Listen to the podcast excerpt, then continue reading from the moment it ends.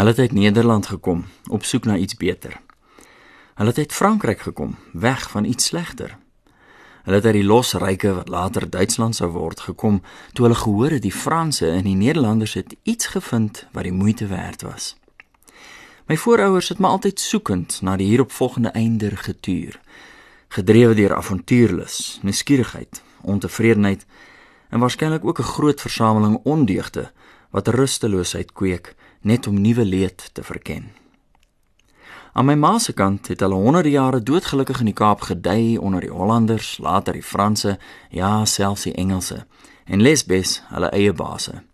Terwyl my pa se mense van daardie hoogs bedingeste soort was wat elke keer verkas het wanneer die nuwe aanspraakmakers op baaskap hulle oor oupa en oupa grootjie kom aanstel het. Getrou aan die menslike hart het hierdie diasporiese neiging stelkens gepaard gegaan met bloedvergieting, ongerief en 'n dodelik intieme kennismaking met die bedreigings wat my voorouers as prooi of bedreiging beskou het in die nuwe velde van hulle uitbreiding.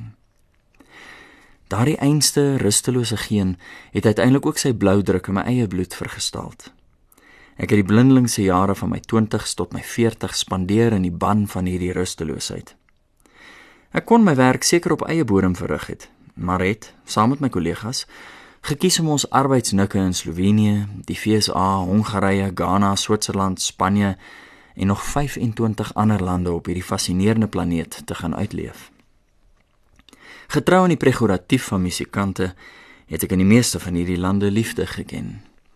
Telkens is ek deur die verleiding van 'n nuwe begin gebring tot 'n ernstige oorweging van 'n nuwe lewe in 'n nuwe land en 'n herbelyning van die padkaart wat deur die inspanning van my voorouers as 'n skynbaar geëtste sekerheid vorentoe beduie het.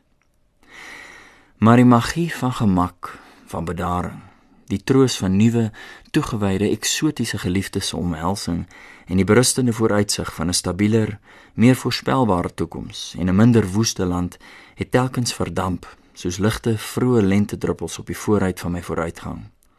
En net die stof van hul belofte agtergelaat om vir 'n wyle my toekomsblik effe te belemmer, maar ook net tot die groot storm van 'n nuwe avontuur hulle weer heeltemal gewis het. Uiteindelik het ek toe my buitelander gevind, haar gevra om myne te word en myself as hare daarvoor aangebied. Maar ons het ons hier kom vestig, terug in die gewonde land die gefolterde geweste van my geboorte. En om ons sien ons hoe die swaalkies warmer somers elders gaan soek, net om nooit weer terug te keer nie. Heelwat van my vriende en familie se kinders het hulle gaan vestig in die buiteland. En van die wat nog hier is, hoor mens dikwels dat hulle uittogplanne beraam. Meer as die helfte van die mense by ons troue het uit die buiteland gekom. Die beloofde land het sy beloftes gebreek. Die paradys het verdor en die nuwe ryk het verbrokkel. My beroep verduidelik ek onder die opskrif emosies smous. En hierdie emosies smous ek soms met toneelspel, soms met musiek, soms met woorde en soms met al drie tesame. Maar soms sing iemand anders 'n lied op so 'n manier dat ek heeltemal vergenoegd voel sonder my eie insette daarop. My buurman het nou die dag 'n ou baas van 'n plaas hier in ons distrik lughawe toe gery. Hy koester die gebruikelike platlandse weersin in Johannesburg, vredes wat ek uit hoofde van my diep liefde vir daardie stad nie heeltemal begryp nie. Maar die WhatsApp wat hy aan die einde van die dag se omswervinge vir my gestuur het, verwoord vir my die wonde en die littekens van my mense se diaspora op so 'n manier dat ek dit hier sal weergee sonder my eie insette. Vanoggend vat ek ou baas lughawe toe wat se kinders in Australië bly. Kinders wat vir hul kinders 'n toekoms wil gee maar die toekoms wat hulle hul kinders wil gee, ontneem 'n ou baas van sy kinders. Ek sien nie opgewondenheid in die ou baas se stem. Ek hoor dat hy 'n seun verloor het, maar nou weer gaan vind. Ek verstaan die verval. Die weghardloop maak nog net soms nie sin. Ek self, maar nie so vaardig met die paspoort en visum stories, is maar op my senuwee net om hierdie lughawe pad te mis. Vanoggend vroeg, ouma se visum en versekeringsdokumente by die koöperasie laat print, want ek weet dat 'n onbevoegde bliksem my iewers rooi gaan laat sien.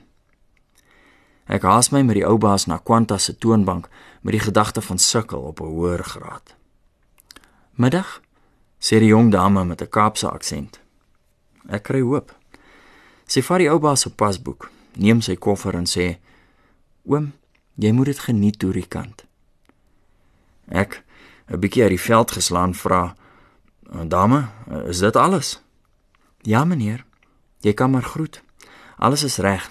Ek reël net gou 'n rolstoel dat die oom nie sukkel tot by die vliegtyg nie." Ek ry die lang pad huis toe. En soos die Zulu sê, my hart beklei met my kop. Is die toekoms waar jou pa bly of waar jy saam met jou kinders bly?